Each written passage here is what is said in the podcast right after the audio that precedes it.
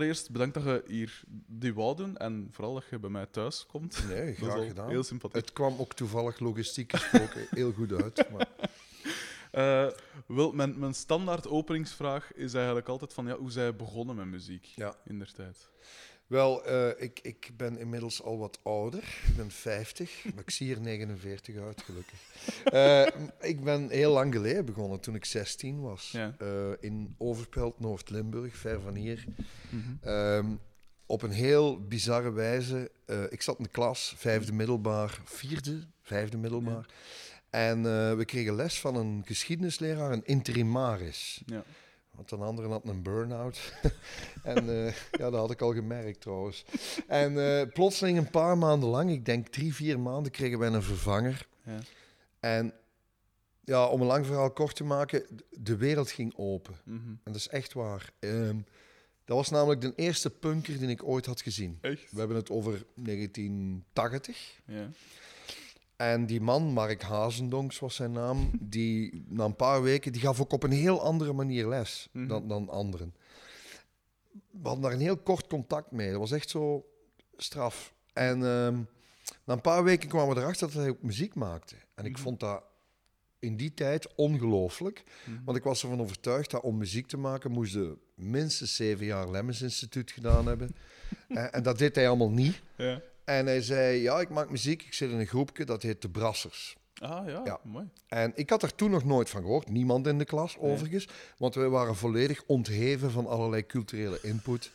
Eh, en hij, hij had verteld, wij maken muziek, dat is Nederlandstalig, dat vond ik helemaal ongelooflijk. Ja, zeker. Ja, want ik associeerde dat enkel maar met Johan Verminnen, zeg maar. Ja. Hè? Zo zag hij er niet uit. Eh, en toevallig in diezelfde maand Mhm. speelde hij met zijn band in de finale van een wedstrijd die ik ook nog niet kende. En dat was Humo's Rock Rally. En ik, waarom kenden wij dat niet? Omdat wij lazen de humor niet. Mhm. Dat was een tv-express toen. en dus eigenlijk veranderde daar op een paar weken tijd alles. Wij begonnen andere bladen te lezen, we keken naar andere tv. Hè. VPRO was heel fel bezig Ja, ja. toen. Terwijl wij kwamen eigenlijk van top op, zoals iedereen toen. Ja. En ik ging ook naar mijn allereerste live concert, namelijk de Brassers in de finale van de Rock Rally in de AB eh, Ja. 1980. En we gingen daar denk ik met een man of tien van de klas naartoe op een zondag. Mhm. En 's maandags in die klas, dus Sanderendaags, was de wereld veranderd. Ja, echt. Cool. Ik, ik, ik herinner me nog dat we vanuit die klas tegen hem zeiden... eh, hij heette Mark Hazendonks, wij noemden hem Haas. Met Noord- Noord-Limburgs accent. Mhm. Ik zeg, dat kunnen wij ook, jong. En die wedstrijd, die rockrally, om de hoeveel jaar is die? Wel, die is om de twee jaar, Ja. zo bleek. En wij zeiden, oké, de volgende keer zitten we ook in de finale. En dat was ook zo. Ja. Dus die van 1982 Ja. was mijn groepenbeeld, mijn eerste groepje. Mhm. Sterker nog, uit diezelfde klas, en dat vind ik wel sterk, kwamen twee bands Ja. die allebei rockrally finale speelden. Namelijk bij ons in Overpelt gaf hij les een paar uur. Daar kwam dus groepenbeeld uit. Maar hij gaf toevallig ook nog in Bazeik les. Mhm. Eh, een cumul heet dat, denk ik. Ja, ja. En daar zat ook zo'n groep gasten. En daar werden de Romans later, Ah, ja. die nog tweede geworden zijn in de rockrally. Ja. Dus om maar te zeggen, soms heb je ene mens nodig, maar wel op het goede moment. Ja. Want dat was toevallig ook in de periode waarin dat Bram van Splunteren op VPRO geweldige muziekdocumentaires maakte. Mhm. Ik herinner mij het programma Gutterdämmerung. Dat was toen zeer alternatief. Mhm. En je moet je voorstellen, nu is dat allemaal anders, maar waar wij van kwamen was effectief Top Op en TV Express. Ja, ja. En ik zie daar in dezelfde aflevering Gutterdämmerung, zie ik daar Joy Division met Ian Curtis en Mooi. Nick Cave, toen nog met de Bad Seeds. ja. Dus dat was echt, als je het hebt over een cultuurclash, dat was er een. En, en eigenlijk, eh, on a second level, Mhm. zei dat eigenlijk, daar is muziek die bereikbaar is. Ja. En dat was ook zo, ook door die brassers, Mhm. nota bene in het Nederlands. En dat interesseerde mij heel fel. Ja. Dus dat was echt het begin. En, en, en wij begonnen een groepje, dat heette Groepenbeeld. Mhm. Waarom ben ik de zanger geworden? Dat meen ik me nog te herinneren. Doordat ik ervan overtuigd was dat de zanger niks moest kopen. Dus ik moest niks hebben. En dat was ook zo. De eerste vier, vijf maanden dat we repeteerden bij mij thuis in Mhm. Overpelt, eh, had ik geen enkel instrument, zelfs geen microfoon. Dus ik ging in de hoek van de kamer staan Ja. met mijn, met mijn gezicht naar de muur, Ja. omdat je dan een soort natuurlijke reflectie kreeg. Ja. En dat versterkte mijn stem. Nu, gaandeweg kwam ik er wel achter dat dat helemaal niet klopte, maar goed. Maar dat was echt de motivering om met muziek te beginnen. Mhm. Ja, heel raar. Schitterend. Cool. Ja, Cool maar eigenlijk simpel. Ja, En, ja. maar ik zeg het, iedereen heeft zo'n moment nodig, het momentum eigenlijk, Mhm. Waarop je denkt, nu, nu kan het. Nu gaan we iets doen. Ja. En ik was eigenlijk gerustgesteld dat je daar niet tien jaar lang academie voor moest volgen Ja. of, of een duur instrument. Mhm. Nu, achteraf zie ik dat allemaal anders en, en relativeer ik dat ook. Maar die kickstart die je soms nodig hebt, Mhm. die kan van zoiets simpel komen. Zeker. En eh, ja, ik, ik, ik vond dat wel tof. En eh, heb je dan nooit de, de, de, hoe moet ik het zeggen? Ik kan het zeggen de intentie, maar de, het gevoel gehad van ik, ik moet in het Engels schrijven, omdat dat toch meer Wel, met, met muziek. eh, Uiteraard was dat in het begin een overweging. mhm. Maar, eh, en dat weet ik niet meer heel goed waar dat, ge- gebeurd is. Mhm. Uiteindelijk heb ik dan toch voor het Nederlands gekozen. Ik, ik denk, dit klinkt geweldig cliché en je hebt dat al heel vaak gehoord, maar Mhm. het klopt wel. Namelijk, hoe goed mijn Engels ook is, en ik bedoel niet slechter of beter dan van iemand anders, Ja. Ik blijf dat een soort geleende uitingsvorm vinden. Ja. Het is moeilijk uitleggen wat dat precies is, maar ik heb altijd de indruk dat ik een soort innerlijke vertaling moet maken Ja. om aan die tekst te geraken. En dat vind ik geen goede methode in mijn geval. Mhm. En ik heb een enorm respect voor de mensen die dat wel heel goed kunnen. Er zijn er niet zo gek veel in ons land. Nee. Eh, in Nederland overigens ook niet. En in Duitsland nog veel minder. Maar ik, ik wil maar zeggen, ik heb die, die, die, die koudwatervrees om het Nederlands te gebruiken nooit gevoeld. Mhm. Op een bepaald moment werd dat zelfs redelijk hard gespeeld. Nu zijn we daar gelukkig over. Maar zo begin jaren negentig was dat bijna... Of tenminste leek dat bijna een politiek statement. Ja. Terwijl dat helemaal niet zo was. Nee.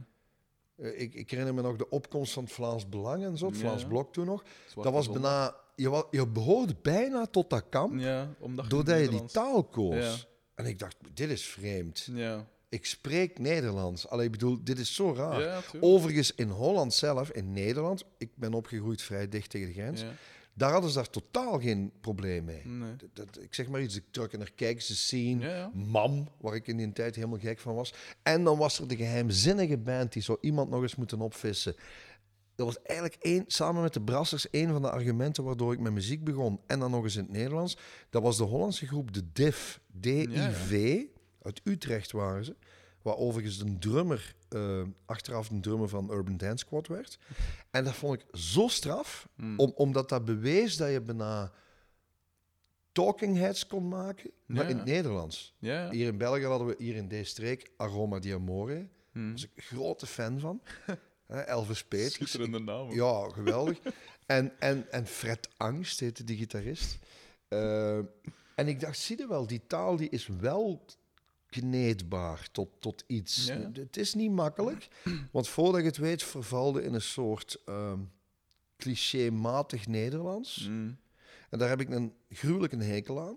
Maar ik vind het ook wel een mooie sport. Het is bijna een soort Scrabble, het Nederlands gebruiken Ja, ja. Voor, voor muziek. En dat doe ik graag. Ja. Dus het is, het is, het is, ja. En achteraf moet ik eerlijk zeggen, heb ik die eh, beslissing nooit meer jammer gevonden. Ik, Mm. ik, ik snap dat. Nu, nu dat ik 50 ben, helaas, denk ik, als ik nu opnieuw moest beginnen, dan weet ik het niet.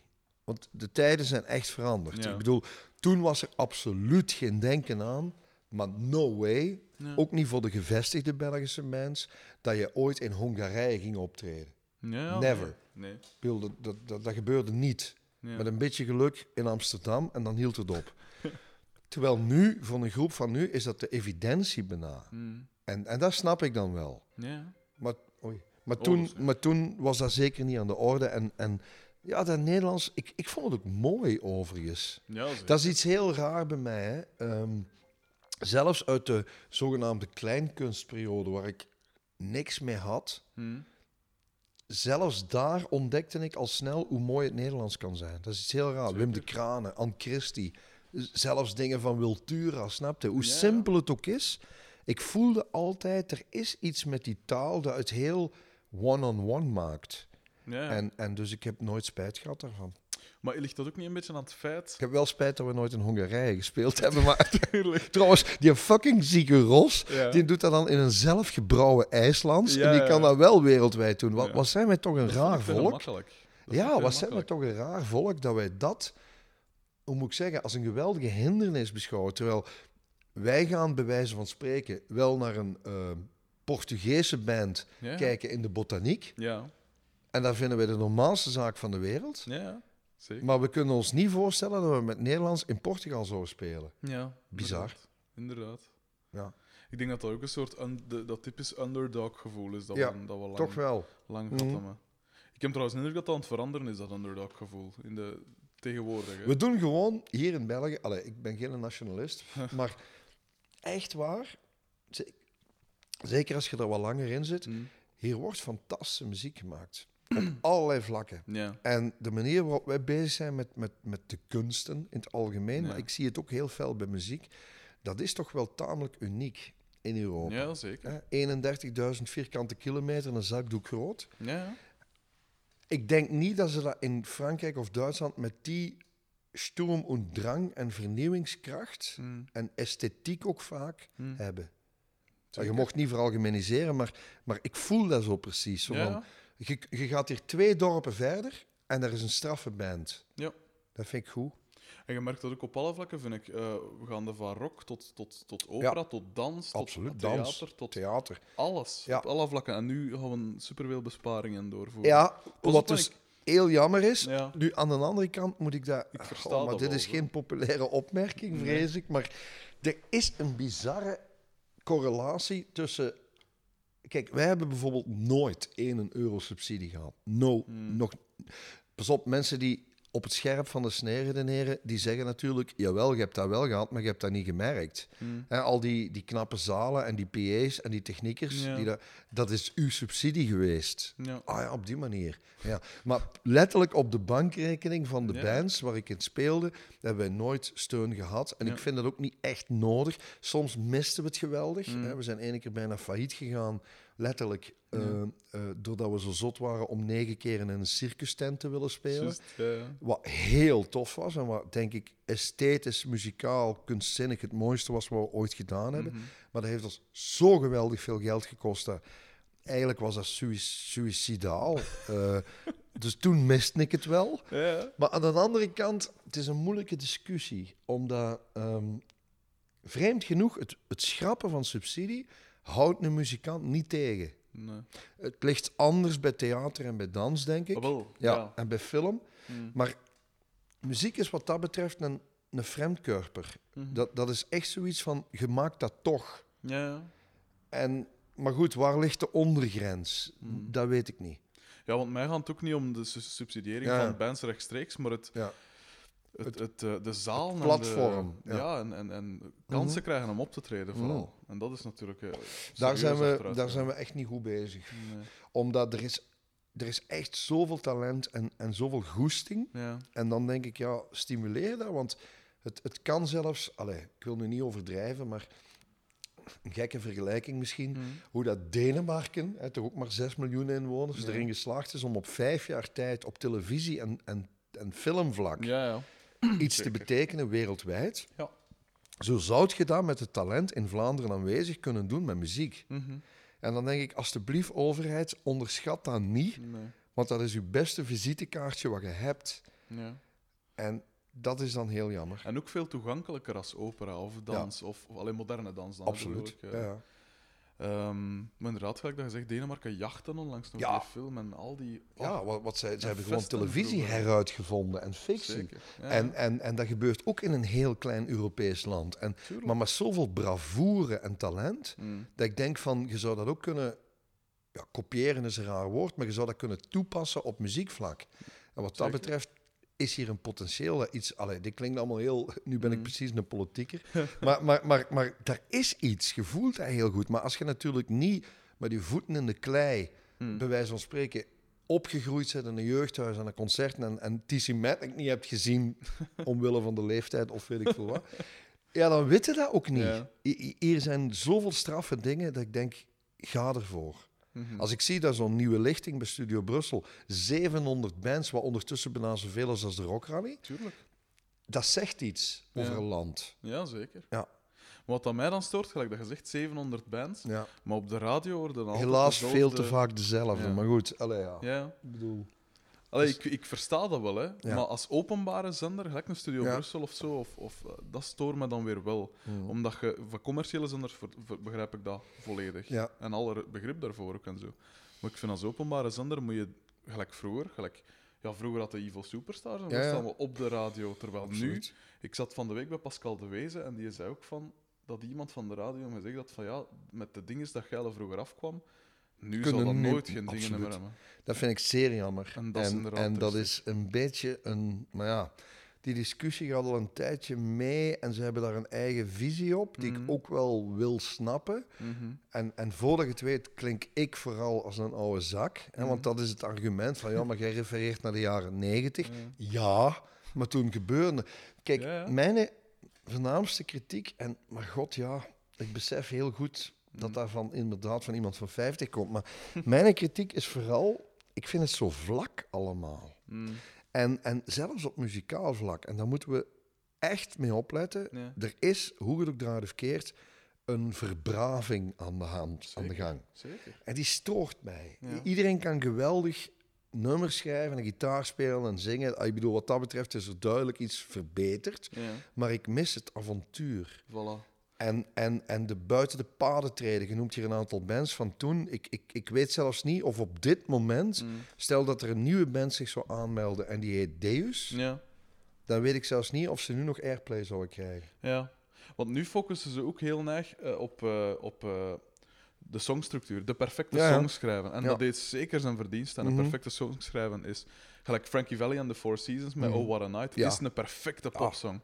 Dat, dat, dat krijg je nooit kapot. En alle... Zo zijn er Alles. veel voorbeelden. Maar, maar, ja, maar zelfs dat Ja, had een bepaalde, eh, hoe moet ik zeggen, een karakter. Ja. Zwak woord misschien, maar... Allee, ik wil maar zeggen, songwriting is één ding, Mm. maar zorgen dat het een bepaalde kleur krijgt, Ja. dat is nog een ander ding. En die kleur vind ik de laatste tijd Mm. bijna verschraald. ja, ja, zeker. En ik, ik zie dat, ik ga ook vaak naar optredens en kleine groepen en noem maar op. En, en, en allemaal echt allemaal goed en wow, wow. Mm. Ze zingen mij allemaal naar huis. Maar aan de andere kant mis ik persoonlijkheid, karakter, wildheid in zekere zin. Ja. Ja, die, die we allemaal kennen. Hè. De, eerste, de allereerste keer dat ik op een preselectie van de Rock Rally Evil Superstars bezig zag, preselectie, Mm. toen zei ik tegen mijn maat, we got a winner. Ja. Ja, maar dat kun je toch niet weten? Er komen nog 600 andere groepen. We got a winner. Ja, ja. Omdat dit gaat erg... Dit is iets. Dit, Ja. dit raakt de polsslag. Ja. Dat mis ik. Ik was onlangs eh, jurylid bij de Zenetour Rock Rally. Ja. En eh, ook bij die preselecties was er één groep, eh, Soldier Six. Eh, en ik zei ook direct tegen, tegen een van de andere juryleden van fuck, die anderen gaan echt serieus hun best moeten doen om, Om hier dit te overtreffen. over te geraken. Soms zie je dat gewoon. Ja. Pas op, en daar zaten goede groepen. Hè. En uh, allee, dat, waar dat we zeker nog Ja. van gaan horen en zo. Maar dat was echt straf. Zowel qua ehm, het, het muzikant zijn en het beheersen van een instrument, als de durf om een keer iets anders te doen. Want daar ging ik toe komen. Die perfecte popsong, dat is inderdaad dat is geweldig. Maar ik mis zo de, de durf om een keer... allee, om geen klassieke songstructuur, geen Ja, strofe, refrein, strofe, refrein. Het is altijd dat. En Ja. Perfect gemaakt, maar... Ja, nu, dat. ze zijn er wel, hè, maar ze, Ja. ze krijgen denk ik iets minder het, het platform, het forum, om, om, om dat breed te illustreren. Ja. En, maar ja, nogmaals, terwijl ik het zeg, voel ik ook van ja, maar dat is mijn visie. Vroeger was ik daar brutaler in, Ja. merk ik. En, en ik wil dat ook blijven, blijven volhouden. Maar ja, god, de dingen gaan zoals ze gaan. Mm. En, en alles is in beweging. Dus het kan heel goed zijn dat er morgen ergens een artiest, een band opstaat die alles overhoop gooit. Dat Ja. kan heel goed. Kijk naar de superstars, kijk naar Deus in een tijd. Kijk naar begin jaren 90, toen er, eh, wij waren erbij en anderen ook, Hmm. ineens Nederlandstalige rock werd gemaakt. Dat was, wij vonden het de, de logica zelf, hè? Ja. maar out there was dat precies zo van, oeh, dit kan ook, of wat? Ja, natuurlijk kan dat. ja, zeker. Dus ieder, ieder moment heeft zijn ding. Ja. Ehm, Ik vond trouwens wat dat betreft, ik, ik heb zo wat, ja, nee, ik heb eigenlijk geen mixed feelings. Ik vind het nog altijd heel straf. Kijk wat er drie jaar geleden met Stromae gebeurde. Ja. Plotseling ontstaat daar iets. Ja. Dat je denkt van, wat is daar? En vooral, wie is dat? Want die, die kwam dus nu eens echt uit de kou. Ja. Ook nu nog ken ik geen enkele muzikant van Stromae. Ja, inderdaad. En dat vind ik straf. En dat vind ik ook heel goed. Want dat betekent van buiten het reguliere circuit van mensen die we bijna allemaal kennen. Mhm.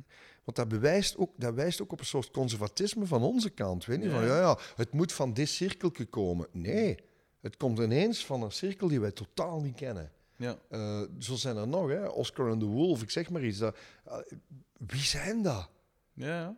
En, dus ik vind dat op zich lovenswaar. Ik vind dat geweldig dat Mhm. dat kan. Muziek is iets raar. Zei hij. Uh-huh. Zeer wijs. uh-huh. Ja. Maar dus in 82 waren we dan met, met Oh ja, groepenbeeld daar zaten we nog. Ja. Eh, hoe, lang, hoe lang heeft dat dan geduurd? Nee, niet zo lang. Eh, om een heel banale reden overigens. Niemand van ons had een rijbewijs. Ja, zo jong waren wij dus. Ja, ja. Eh, ik was 16, mijn broer die toen nog meespeelde was 14. Ja. En mocht zelfs toen, herinner ik mij, op de finale van de Rock Rally in de AB niet binnen. Dat was vervelend, want een half uur later moesten we op dat podium staan. Dat heeft nog wat overredingskracht van mijn pa gekost. Ja. Dus we hebben daar, ik denk, anderhalf jaar veel gespeeld, ook in Holland. Ja. Maar mijn vader moest altijd met een kabinet rijden. Hmm. En bovendien, je zult het altijd zien, kreeg ik ineens een lief die tegen muziek was. Oh, ja. Eh, dat was de laatste keer dat ik me op dat vlak vergist heb. Ja, ja. Ja. Maar dus nee, de- die groep is geen lang leven beschoren geweest. Uh-huh. Eh, maar onmiddellijk daarna kwam er weer iets anders. Mhm. En om een lang verhaal kort samen te vatten, eh, via een paar tussenstapjes die niks voorstelden, voelde ik ook al snel, was er de embryonale fase van Noordkaap. Mhm. Allemaal mensen van bij mij uit het dorp. Eentje daarvan was wel goed, de gitarist. De rest was wat minder. En eh, dat werd niks. We hebben ingeschreven voor de Rock Rally. Werden we afgekraakt tot en met. Dat, terecht. Mhm. eh, preselectie, maar dat was niet goed. En toen heb ik in een soort laatste kans gezegd, ik doe nog één keer mee. En dan moet dat hier gedaan zijn. Ja. En eh, dat was dan de, de, de Noordkaap die won. Ja. Ehm, met een cassette-demo die ik nog had opgenomen in Eindhoven in een goede studio met de vorige muzikanten die ik betaald had, omdat ik wist, dit groepje wordt niks, maar ik kan zelf geen instrument spelen. Dus ik heb die gasten even nodig Ja. om vier, vijf nummers op te nemen. En, en dat cassetje mocht meedoen. Ja. Heb ik een groep letterlijk gezocht Mhm. op, op een maand tijd of zo. Ja. En je hebt niemand van die vorige groep Nee. overgehouden? Nee. Ah. Nee, en, en ja, dat, dat, pff, dat was ook allemaal te... Alleen met alle respect. Ik zie die mannen ook nooit meer. Die kwamen Mhm. uit mijn dorp van toen.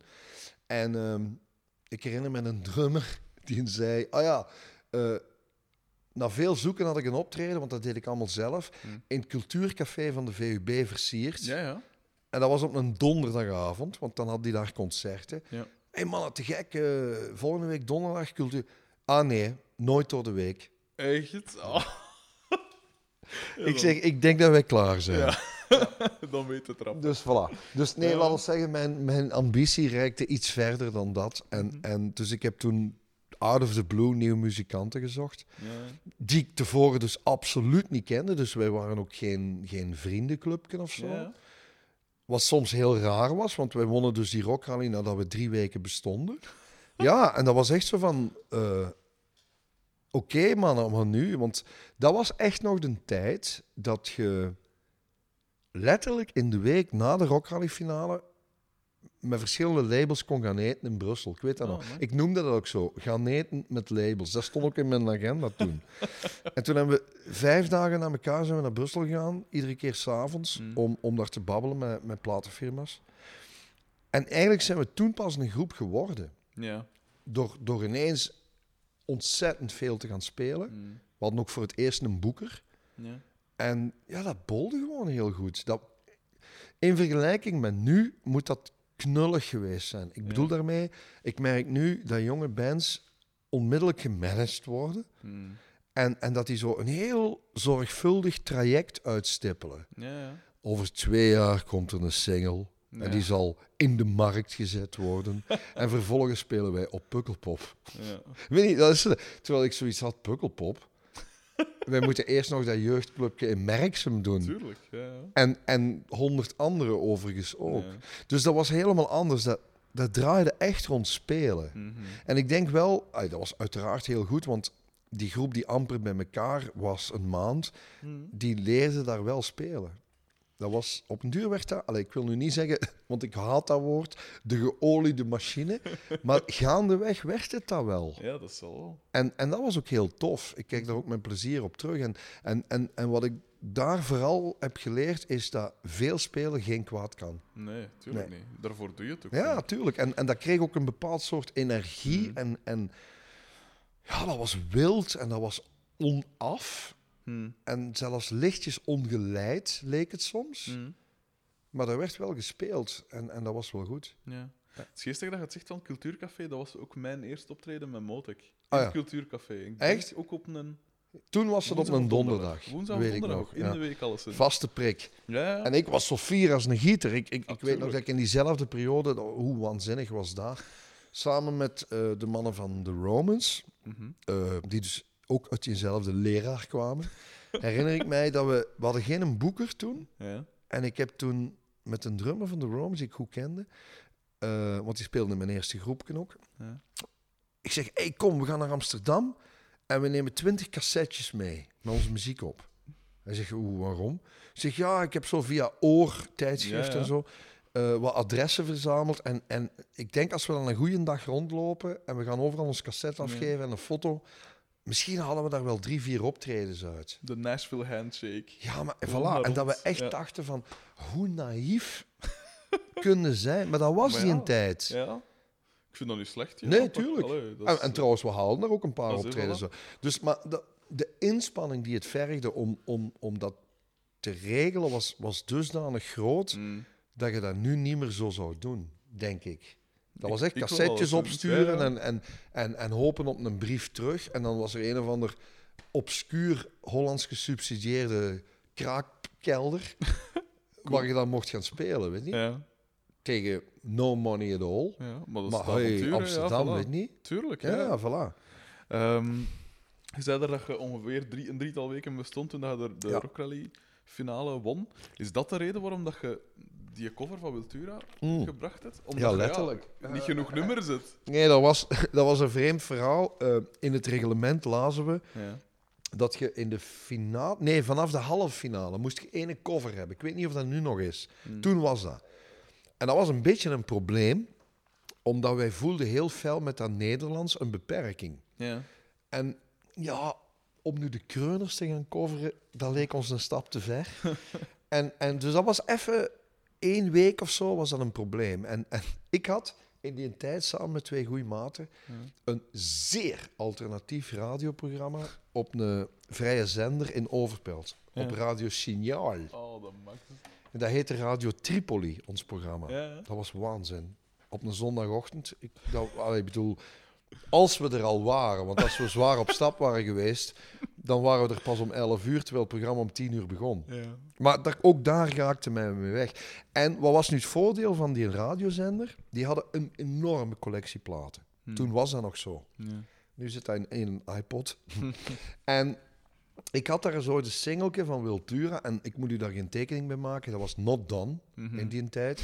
Maar ik vond dat nummer fantastisch. Een goed en trouwens ook die nummer, opname Ja. en 1967.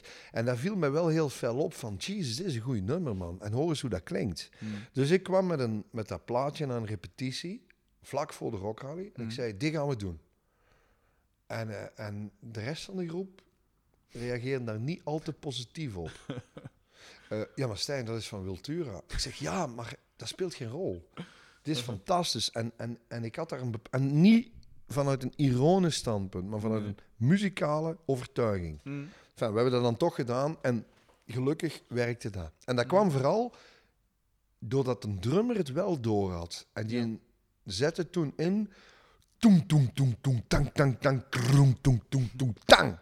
En dan kwam die mondharmonica. Ja. En, en die solo. En plotseling was hij van, zie je wel, Ja, dat is een nummer. ja. Bovendien een van de zeer weinige nummers die ik als beperkt zanger ook nog kon zingen. ja. Geen nadeel. Dus dat was snel beslist. En, en toen de humorjury, wie zat er? Ik weet dat niet. Mark Didde, Mark Meilemans, denk ik Hmm. zelfs nog. Nee, die was toen al dood. Hm. Eh, maar Mark Didde zat erin, ik weet niet wie nog. Die zei, fuck man, een nummer van Tura. En Guy Mortier had door... Hoe zat dat ook weer? Dat was een ongelooflijk toeval dat ik niet wist. 1990 werd Tura 50. Ja. En Humo wou, Mortier wou daar iets mee doen. ja. Maar dat lag gevoelig op de Humo. ja, van, ja, maar Tura is niet Humo. ja. Nee, maar nu is er een groep en die covert daar een nummer van. En het ziet er zelfs naar uit dat die de Rock Rally gaan kunnen winnen. Ja. Dus ineens is dat hip. Ja, En daar kwam dan dat Turalura-project uit. zeker. En plotseling kon het. Dus, dus dat was eigenlijk een double whammy zo. Dat, Ja. dat, dat was zo van, hé, hey, te gek. En, en ik moet zeggen, daar ben ik nog altijd blij mee. Dus, eh, Mhm. En overigens wil Tura ook. Dus dat was niet slecht, want hij heeft altijd gezegd van, shit man, die Turalura-plaat, die, die heeft eigenlijk... Hij zat echt op een soort Hm. doodpunt. Hm. Muziek was aan het veranderen ook, radios waren aan het veranderen, noem maar op. En plotseling kreeg hij daar de steun van het blad die hem nooit gesteund hadden. Ja. Namelijk de Humo, die toen op hun maximum zaten. Zeker. Nu helaas op een Hm. iets wat minder minimum. Nee. Maar toen kon dat. En, en dus dat was een toevalligheid. Laten we zeggen, als we het nu gedaan zouden hebben, Nee. had het niet gewerkt. Oké. Ja. En ehm, wanneer je eigenlijk, wanneer je Lars van, eh, wanneer Ja, wel ja. je Lars van Bambos Ja, leren wel, letterlijk drie weken voordat de Rock Rally preselectie waren, doordat in Hasselt een hele goede platenwinkel, eh, muziekwinkel die er nu nog is, GNR, Hm. waar iedereen zijn, instrumenten koopt, nog steeds. Daar kwam ik af en toe en, en die hadden zo'n zuil in het midden van de winkel en daar hingen zo briefjes op. En ik, het was echt wel dringend. En, ja, er was, er was niet meer gek veel tijd om met een potentiële nieuwe gitarist vier weken lang pinten te gaan drinken. Die tijd was er niet. Ik dacht dat je Dus ik, ja, ik moest het even pragmatisch aanpakken. En ik dacht, weet je, het is voor zover... Allee, het is voor nu. Ja. We kunnen het daarna nog altijd zien. Hm. Maar er ging een briefje op en ik geloof dat daarop stond... Jonge gitarist uit Sint-Truiden zoekt groep. Ik speel alles tussen de Beatles en ACDC. Ik zeg, ja, die moet ik hebben, hè. dus ik diezelfde avond daar nog naartoe. Uh-huh. En ik stond bij hem, bij zijn ouders, op de oprit. En ik hoorde al uit de kelder gitaar. Hm. Ik dacht, ja, dat is goed. Dat is hem. Dat is hem. En dat bleek hem ook te zijn ook. Een, ja, toch wel een iets wat vreemd figuur heb ik altijd gevonden, tien jaar lang. Maar aan de andere kant de meest loyale gitarist die je kon hebben. Hij is ook de enige van de bezetting samen met mij die het tien jaar heeft uitgehouden. Ja. Al de rest was al veranderd. Hm. Klikte dikwijls niet tussen ons twee, omdat wij karakterieel maar werkelijk 180 graden anders waren. nu nog steeds. Maar hij kon wel een stukje gitaar spelen. En een goede songwriter. Ja, Eh, zeker. maar op vlak van songwriting botsten wij vaak, omdat mijn visie op muziek was veel vrijer dan die Mhm. van hem. ja. En dat kwam ook onder andere doordat ik inderdaad uit een punk-milieu kwam en iets meer gewoon was. Ik zeg maar iets, als ik bij Lars, eh, bij wijze van spreken, Einstürzen Neubauten opzette, of de vroege Nick Cave, Ja. dan wist hij niet wat er gebeurde. Dan, ja, hij, hij voelde wel van, wauw, hier is iets, Hm. maar ik, ik snap dit niet. En dan had hij het, dat was altijd grappig, dan had hij het over, ja, dat klinkt heel anarchistisch, maar je moet eens horen naar die tweede gitaar, hoe strak dat die is. Dat is goed gedaan. Een beetje een ambtenaar. Ja. Ja, dat was echt, hè. Dat, ik, ik die ja, een soort ADHD'er was tot en met, Hm. hij had dat totaal niet. Hij was Ja. heel beheerst. En, en, maar ik moet zeggen, als wij muziek maakten, ja, dan klikte het wel. Mhm. En de overige groepsleden op een vergelijkbare manier. Mhm. Eh, iemand had gehoord dat daar een goede drummer zat en die en zijn neef was een bassist. Ja. En zo begon dat. Mhm. En dat bleek eigenlijk een heel fijne, heel fijne bezetting te zijn. Je zegt dat je geen, geen enkel instrument bespeelt. Ja. Hoe, hoe, hoe, hoe, hoe moeilijk of hoe gemakkelijk was het dan om vrij dominant Ja. te zijn in uw groepen? Ja, dominant. Oh, ja, of toch Ja. een, een dusdanige Wel, invloed? Hè, maar- Nu nog steeds hè, is, is dat geval, dat is iets heel raar. Ehm, ik speel geen instrument, maar ik ben een soort dirigent van de Mm. groep. En, en dat gaat heel ver. Zo ver dat sommige muzikanten soms denken, hoe weet je dat? Ja. Want daar ben ik wel heel gevoelig in. Hm. Ehm, trouwens, juist in een auto. SMS ik een oude bassist van, van, Noord, van Monza nog, Bart Ja. broer van onze huidige gitarist. Fantastische muzikant. En ik hoorde een single op de radio, op Radio 1, van Tom van Stiphout. Nu, Tom van Stiphout is zo'n typische, zeer goede sessiemuzikant. Ja. Ik vind niet altijd zijn muziek even spannend. Hij zelf vind ik een crème van een gast. Hm. Eh, speelt ook bij Milo. Allee, zo echt iemand die ingehuurd wordt om, omwille van de finesse. Ja. Ik denk dat zijn groot voorbeeld volgens mij moet zijn Eric Clapton. Ja. Ja. Of eh, Richard Thompson. Hm. Eh, zo, de perfectie. Ja. Maar ik hoorde een singeltje van hem, een cover overigens, van Guitar Man. Mhm. Trouwens, van wie is dat ook weer? De Guitar Man. Nummer uit de jaren 70. Fantastisch nummer. Ik hoorde dat nummer. Tja, dat is toch niet origineel? En toen zei ze Tom van Stippel. Ik zei, oh, Tom van Stippel. maar er was me iets opgevallen in de bas. Hm. Ik zeg, die ken ik, die bas. Ik weet hoe die klinkt. Ik zeg, Bart de Lacour. En ik, ik sms, ik zeg, jij bas op nieuwe single van Tom. En binnen een minuut had ik een antwoord terug, hoe weet jij dat? Ik zeg, ja, straf, ik hoor dat. Je hebt bij mij gespeeld, tien Ja. jaar geleden. Ik, ik, ik hoor hoe jij speelt. Hm. En ik ben geen muzikant, maar ik hoor zo'n dingen wel. Ja. En ik ben een soort... Ja, hoe moet ik het zeggen? Ehm, ik heb dat wel eens vergeleken en eigenlijk klopt dat. Er is zo in het circus zo'n act met, met Chinese borden, noem ik dat. Ik weet niet of dat zo heet. Dat zijn zo eh pinnetjes met daar ronddraaiende schotels op. Ja, ja. En dan moet je dat aan de gang houden. Wel, dat ben ik. Degene die dat aan de gang houdt, is me. Mhm. En dat is zo, dat gaat heel ver in de zin van, ik kan dus nooit afkomen met een song-idee, Hm. wel met tekst. En dat laat ik dan gebeuren. En dan is er vaak lawaai en rommel. Iedereen is zo aan het doen. Hm. Maar binnen de twee minuten is er een moment waar... Hey, wow, wow, wow, wat, wat, doe je daar? Anthony, drum eens even. Nee, Ja. gewoon even rechtdoor gewoon. Jij wacht niks aan het doen, maar pak eens gewoon het eerste wat je denkt. Ja. En dat zijn heel vermoeiende, rare momenten. Ja. We nemen die ook allemaal op. Hm.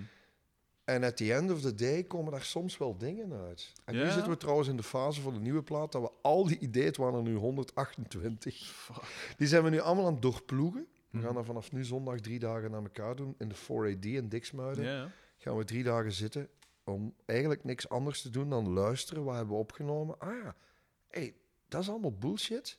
Ja. Maar die 20 seconden zijn tof. Ja.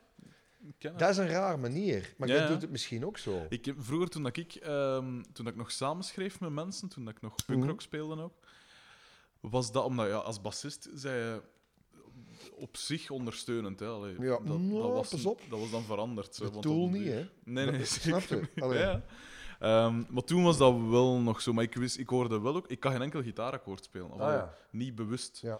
Eh, maar ik wist wel van... Oh, oh, dat akkoord...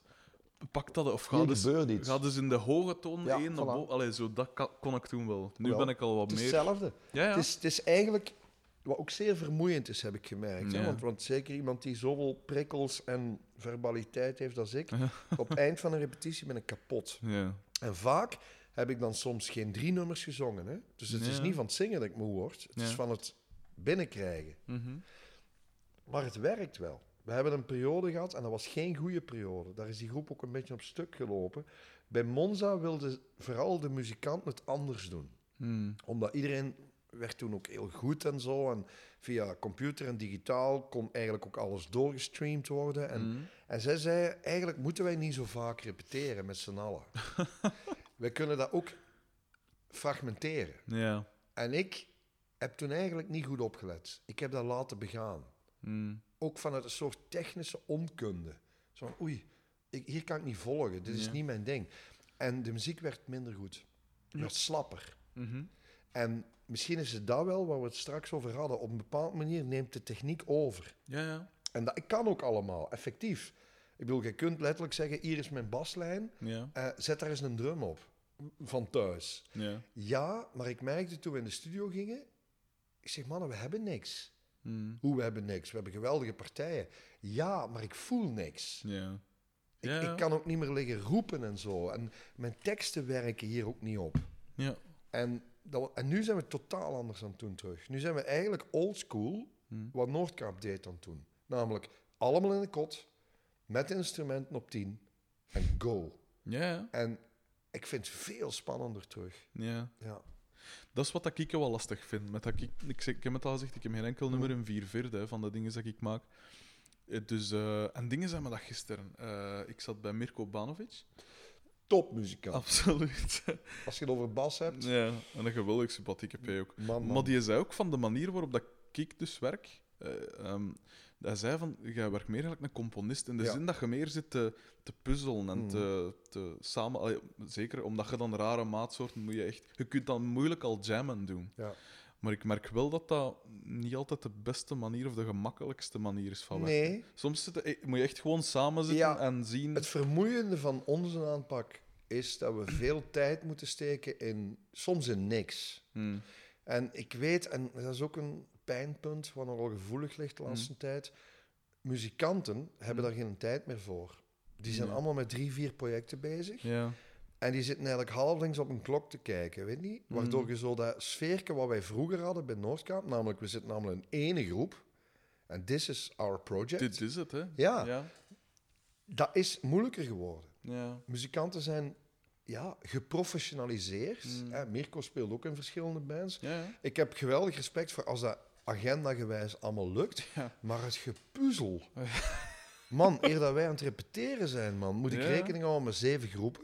Hmm. En dan denk ik, kom gasten. Ja. Ik bedoel, wat is dat nu? Eerst en vooral, bij ons worden goed betaald.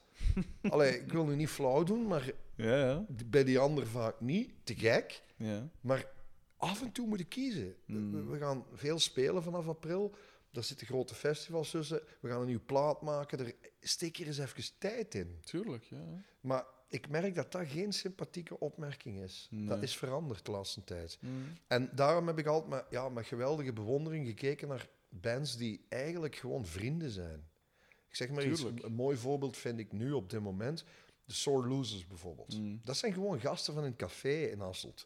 En die zijn zo goed bezig. En ik Mm. zie ook hoe die repeteren en zo. En dat is, dan denk ik, oh, wat een droom. Ja. Die, en bij ons is het altijd zo, ja, ik moet nu naar daar en ik moet nu zus, ik moet nu bus op, want ik ga een tour doen in Duitsland met weet ik veel wie. En dan Ja. ik, oh, mannen, please. Ja, ik, eh, ik eh, ah, wel, toevallig gisteren zag ik op, eh, want ik heb onlangs ook Lenny van Freaky Age eh, geïnterviewd en ik ken die ook al wat van vroeger en zo. En, die zat ook in, die, in de jury van die rock rally. En gisteren verjaarde eh, Matthias van Freaky Age en die zijn al 15 jaar of langer beste maten. En, ge- en hij postte zoiets, een verjaardagswens of zoiets, op Facebook of op Instagram, ik, ik denk Facebook.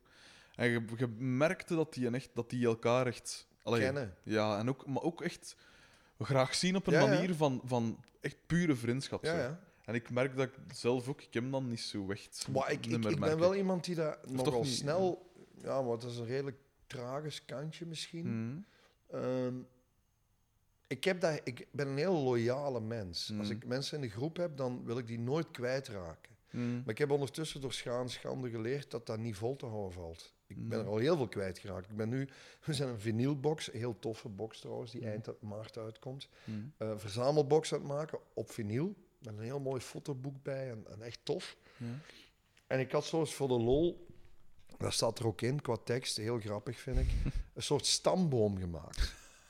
Van Ja. alle muzikanten waar ik ooit mee gespeeld heb in de Mhm. verschillende bezettingen. Dat is wel cool. En ik kwam uit op 36. Die ik allemaal, ja, op één uitzondering na, maar die is dood. Ondertussen, ja, die ik allemaal graag zie. Ja. En waar ik bij ja. wijze van spreken morgen opnieuw met een band zou kunnen spelen. Maar ja, maar je weet nooit of dat daar wederzijds is, snap je? Dat Mm. is een soort tijdelijk contract, een samenlevingscontract Ja, ja. dat je met je band hebt. En, en ik vind dan ook doodjammer als iemand zegt, ik moet vertrekken. Ja. En dan, dan ben ik altijd een beetje geraakt in mijn hart. Dan denk ik, Ja. god, fuck man, we waren goed bezig. En, Maar ik ben zo naïef ook. Ik, ik, ik heb een bepaalde mate van naïviteit altijd al gehad, Mhm. die mij ook wel jong en fris houdt, Ja, maar die tegelijkertijd ook redelijk verwoestend kan zijn. Ja. Zo van, van het, eh, ik, ik merk dat veel andere groepen daar veel relaxter mee omgaan. Die, die, Mm. die weten, dit is maar voor deze tour of deze plaat of weet ik veel wat. Bij mij is dat van, it's forever. Ja, ik kan dat ook niet. Zo. En dan denk je, ja, maar het is niet forever. Ja. En, en dat vind ik dan wel jammer. Maar ja, ik, ik word daar langzaamaan Hm. volwassen in. Dus ik ben nu 50, dat is goed. Tegen 55 kan ik het. Wat dat gezegd is heel herkenbaar, want ik weet nog, mijn eerste groep, toen dat een drummer zei van, ik stop ermee, ik was er echt kapot. Kapot van, Echt kapot. Echt. En ik weet nog, Waarom? Dat was, de, dat was de avond voor een examen fysica, en ik ben, ben niet goed in fysica. En dat heeft, dat heeft zijn...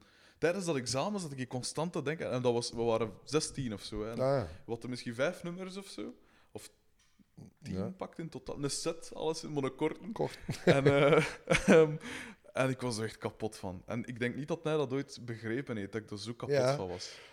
En, Ja, en wat dat je zegt van die muzikanten ook, van, dat, je zo, dat je zo zou kunnen zeggen, ik zou er weer mee in een groep kunnen spelen. Mijn huidige drummer is iemand waarvan ik altijd gezegd heb, als je ooit weer zin hebt, ja, ik pak u direct weer. En nu eh, ben ik weer bezig met eh, een gitarist ook.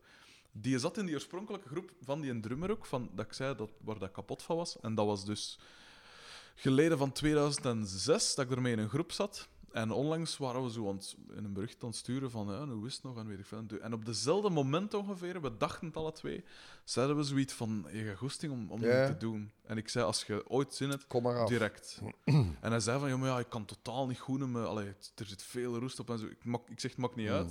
Ik weet wat dat je kunt. Ik weet, Mm. Dat was die waarvan de koek zei van, speel dat akkoord en dat akkoord. En ik zei, kom maar weer. Dus Muziek is wat dat betreft eh, eh, een, een, een heel machtig eh, Hmm. verbindingsding. Hè? Dat, is, Ja. dat, dat is iets heel raar. Ik, je kunt zelfs ambras hebben in een groep, Hm.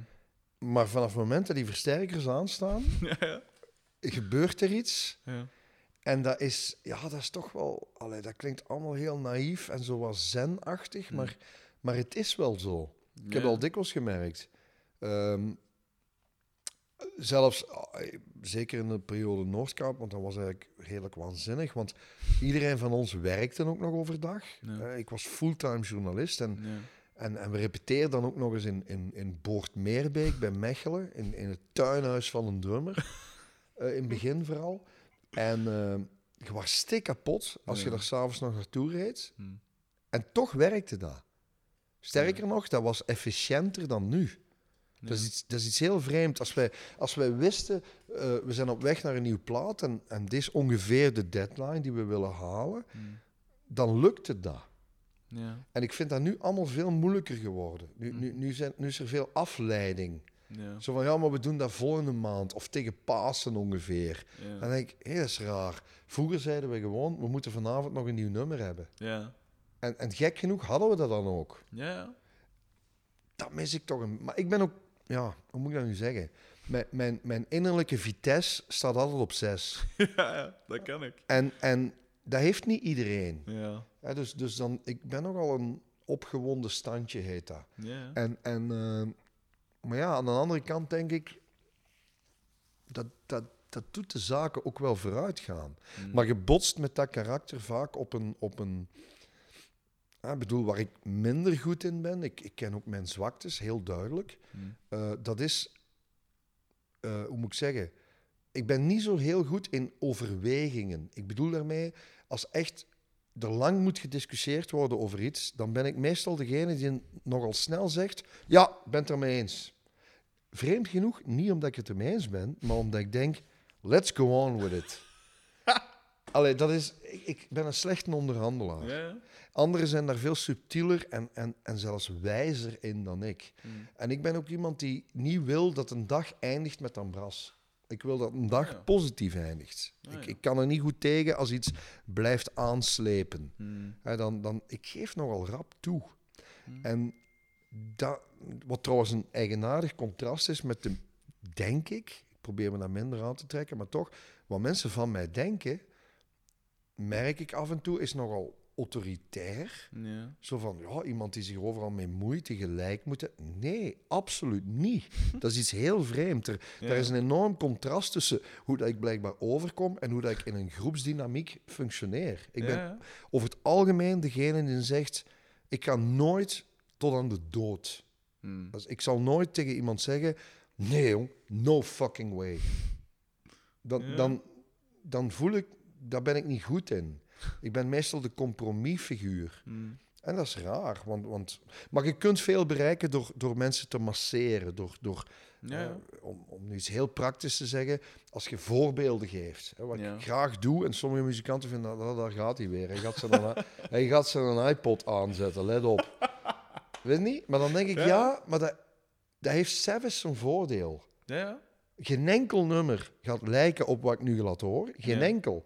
Maar het zit hem in een tempo of in een sfeer of zelfs in een delay op de stem. ja, ja. En, en later, maanden later in de studio kunnen zeggen, dat is raar. Jij liet toen dat nummer horen. Mm. Waarom deed je dat eigenlijk? Ik zeg, Ja. kijk, voor dit spoor. Ja, herken, heel herkenbaar. Dat is gek, hè? Ja. Terwijl die nummers hebben niks met elkaar te maken. Ja, ja. Ja, voilà. Wat dat je zei van zo, je Vitesse dat op 6 staat, Ja. Ik heb dat ook heel erg. Maar bij mij komt dat omdat ik mijn va heel vroeg verloren eh, heb. Maar ik heb mijn va zien sterven toen ik tien was.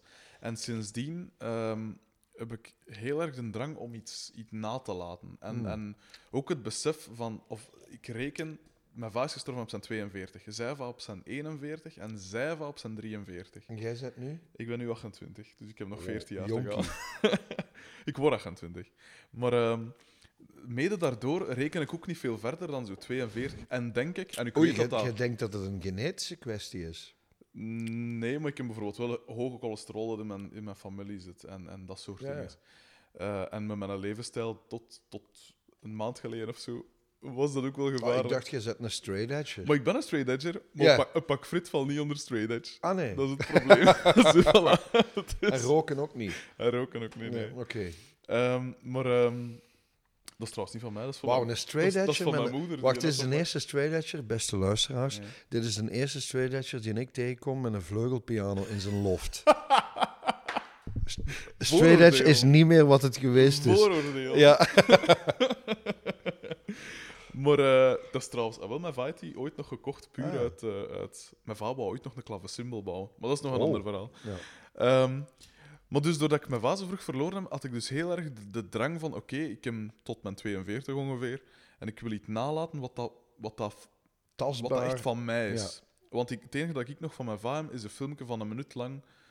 Waar dat nou wat in zever en onnozel doet, en weet ik. En dat is het. Ah. Dat is het eigenlijk. Ja. Alleen van belangrijke dingen. Hè. Ja. Ehm, dus bij mij komt dat daar En een enorme erfenis.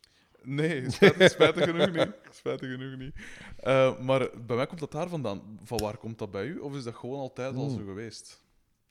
Het is gek dat je dat eh, refereert naar uw pa. Hmm. Mijn pa is zes weken geleden gestorven. Oh, nog oei, maar. sorry. ja. En ehm, karakterieel kwamen wij geweldig overeen. Ik bedoel, Hmm. wij kwamen niet overeen. Ja, ja. Enfin, jawel, maar het was soms heel moeilijk. Maar wat ik wil zeggen is, duidelijk hetzelfde karakter. ja. En dat Heftig, onrustig, Ja. verbaal. Ehm, ik, ik heb altijd de indruk gehad dat mijn pa eigenlijk zoiets had willen doen. De, de, de chameleon die ik was en ben, Hmm. want dat is eigenlijk, dat is iets heel raar aan mij.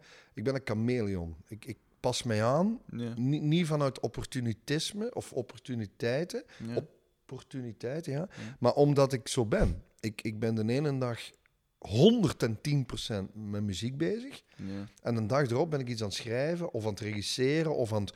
Ik, ik, de- volgens mij kun je het bijna fysiek zien. Dat is iets heel raar.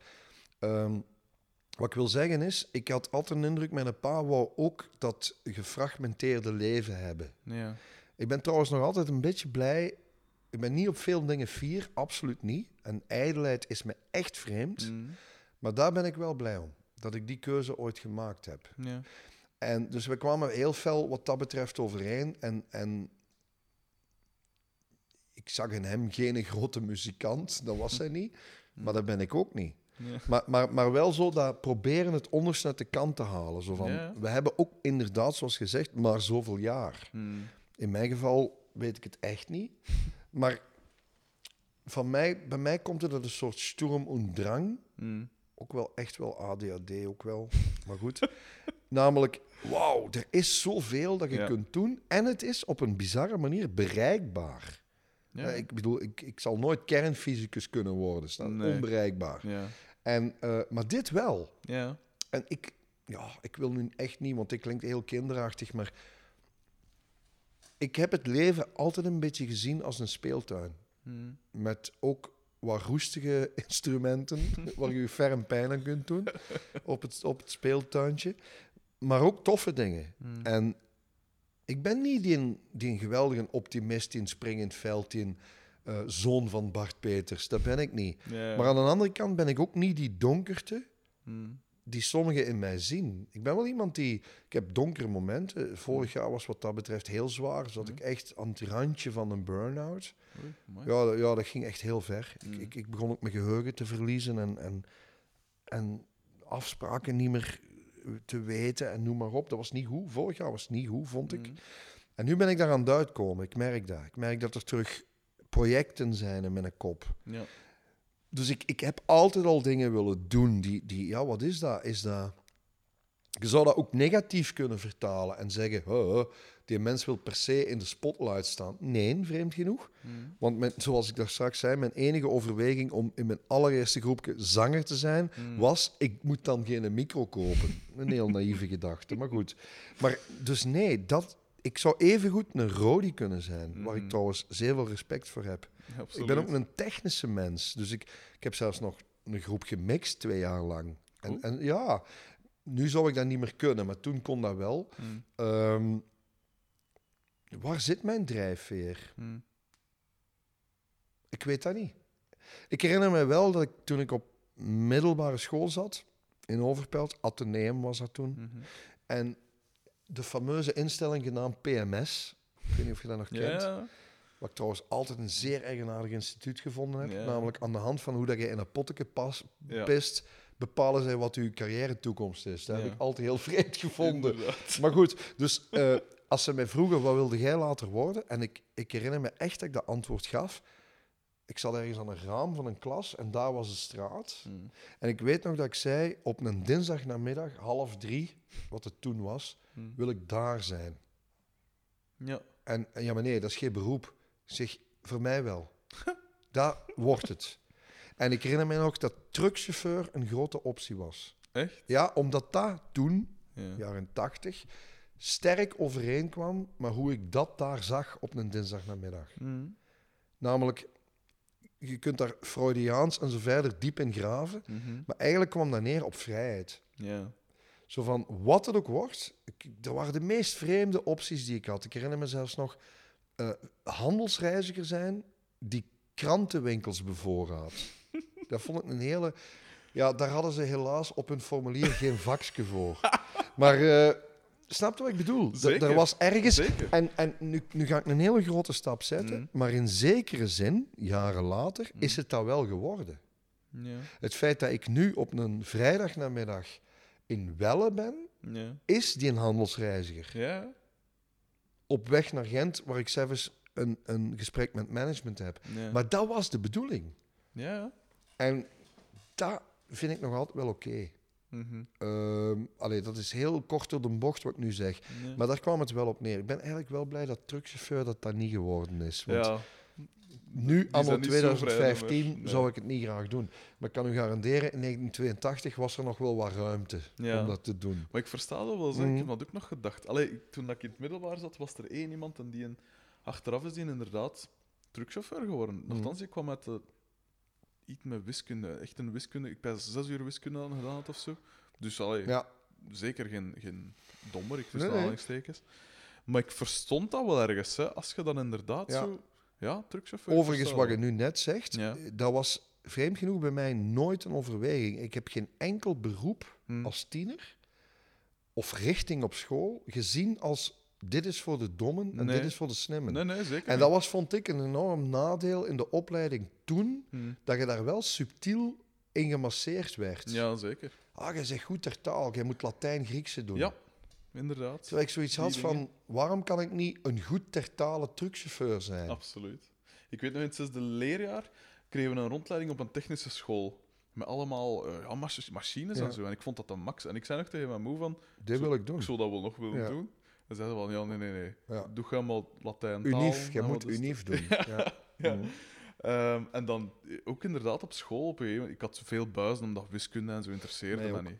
En, en Latijn, dat, ik vond dat wel interessant. De geschiedenis vind ik Dat was super interessant. Ja. Maar die grammatica. Dat Latijn en zo. zelf En interesseerde taal mij vind ik ook om iets met te spelen. En Ja. je moet je grammatica wel beheersen. Maar dan dacht ik, ja, een dode taal. Ja. Mij ging het meer om zo de, ja, en de, de, de etymologie van, Ja. van woorden en zo. Ja, Oh, ik had juist zelf. super. Dus wat Maar- dat betreft Ja. moet, ik het, ja, moet ik het toch wel redelijk positief zien. Mm. Dat, dat is op een bizarre manier in orde gekomen. Mm. Vaak door toevalligheden. Hè? Want zo hangt het toch wel aan elkaar. Ehm, Mm. toevalligheden, ja. Ik, ik moest bijvoorbeeld mijn... Dat kun je nu, nu niet meer voorstellen, maar ik moest mijn legerdienst ook nog doen. Ja, ja. Die heb ik gedaan. Ik was matroos. ja. En ehm, toevallig, daar deed ik de bibliotheek overigens. ja, want alles hing altijd heel formatief aan elkaar. Hè? Ah, je hebt zo wat talen gedaan, dan doe je de bib. Ja. Nu, ik vond dat niet erg. Eh, maar het voordeel daarvan was dat ik daar letterlijk voor de eerste keer met een computer werkte. Eh, de eerste bruikbare computer. Hè, dan bedoel ik niet zo'n groen scherm met zo'n cursor, if not go to 10. Ja, ja. Maar echt, letterlijk, met, met wat stond daarop? Ik weet het niet meer. Dat was een Atari, dat weet ik nog. Een soort voorloper van een Apple. Hè? ja, ja. En hé, hey, dat werkt. En hier kun je dus ook mee schrijven en zo. En ik was vertrokken. Hè? Mm. En, en toevallig daar las ik dan ergens een advertentie van... eh, ze zoeken bij het Belang van Limburg. Ja, als Limburger waren verplicht om daar te gaan Ja, werken. tuurlijk. Eh, zocht ze nog een freelance journalist. Ja, briefjes schrijven. En je wordt dat dan. Mhm. En dus vaak hangt het met toevalligheden aan elkaar. Mhm. Hetzelfde met muziek. Als, eh, het was letterlijk in dezelfde maand als waarin ik be- begon als journalist, Mhm. wonnen we die rockrally. En, en twee sporen begonnen zich te ontwikkelen Ja. en hingen vreemd genoeg ook heel dicht bij elkaar. Mhm. Dus ja, is dat een groot plan met een hoofdletter? Nee. Maar, maar soms moeten die toevalligheden wel pakken. Zeker. Eh, en, en, en om nu een rare bocht te maken, in zekere zin, tijdens repeteren en het schrijven van nieuwe nummers, gebeurt juist hetzelfde. Je kunt Mhm. sessies wijden aan waarom dat, dat, dat akkoord moet zijn. Ja. Ja, maar je kunt ook afgaan op de impuls van het moment. En ergens iets voelen van, hey, wow, wa- Ja. ja, maar dat is een dissonant met dat. Eigenlijk klopt dit niet. Nee, dat weet ik. Maar voel eens wat hier Het hangt. werkt, ja, voilà. Ineens. Zeker. En, en sterker nog, zonder die techniek hadden we denk ik nooit van, van Radiohead gehoord. Inderdaad. Want dat hangt aan elkaar van de, van de spankracht Ja. en, en van de dissonanten. En, ja, en bij wijze van spreken zou eh, een docent aan het Lemmens Instituut, stel dat hij geen enkele voorgeschiedenis met pop en rock zou Mhm. hebben, die zou, ja, die zou boebels krijgen, weet niet, want hier klopt van alles niet. ja, ja. Nee, maar het klopt wel. Mhm. En die, die taalafspraak, zeg maar, in, in muziek heb ik altijd heel spannend gevonden. Ja. Wat is dat? Waarom zijn bepaalde lelijke noten de schoonste die er zijn? Zeker. Waarom is een gitaar met een hoop eh, noise en ruis op schoner dan diezelfde akkoorden zonder die noise? Ja. Wat is dat? Eh, waarom is oversturing zo mooi? Feedback, allee, al die dingen. Ik, heel dat verhaal vind ik een hoge kunstvorm. Zeker. Zeker. Ja. We zijn nu bij schrijven aanbeland. Ehm, bij uw teksten, is er, zijn er thema's of, eh, of, of eh, Soms. gevoelens die, die, dat, waarvan je weet, dat komt heel veel weer bij mij? Ja. Of, of dat is een vaste... We- weet je wat, er, wat, wat vaak terugkomt? Mm. Dat zijn niet zozeer thema's, maar wel... Ja, er zijn een paar thema's, maar god ja, die, die wil ik ook niet overschatten. Maar wat wel Mm. vaak terugkomt, en dat heeft iets met, met het visuele bijna van taal te maken. Ik kan het Mm. niet anders noemen. Dat is de, ik noem dat de woordwaarde. Mhm. Dat is zo'n term uit de Scrabble. Ja. Driemaal woordwaarde. en, en ik kan dat niet goed uitleggen wat dat is, maar bij bepaalde, en zeker in het Nederlands heb Mhm. ik dat heel fel, bij bepaalde woorden en uitdrukkingen voel ik iets meer dan bij een ander woord. Ja. Ik kan dat niet uitleggen. Ik zeg maar iets, eh, een mooi voorbeeld nog steeds vind ik. eh, we hebben met Noordkaap een plaat en ook een nummer gemaakt, dat heet de Gigant. Ja. En dat woord betekent bijna niks. Ik Ja. bedoel, dat is, ja, je kunt dat opzoeken in een woordenboek Mhm. en dan krijg je een betekenis. Mhm. Maar om een of andere reden oversteeg het visuele van dat woord Ja. Die betekenis. Ja, ja. En dat heb ik graag. Mhm. Dat je zo denkt, hé, hey, dat is knap. Ja. Ja, maar waarom? Soms waren er gesprekken in de groep, gelukkig niet al te veel, want er was zoveel lawaai dat die toch niet verstonden wat ik zong. maar gaandeweg, en vooral in studioomgeving, werd dat soms pijnlijk. Mm. Ja, want dan kunnen ze zo één druk op de knop en je hoort alleen wat jij zegt. zingen, ja. Het is nog niet af. ik ben altijd overal aan, het- aan het dimmen, zo weet niet. Ja, maar nee, nee, maar het is wel mooi. Mm. Waarover gaat dat? Mm. Ik heb geen flauw idee.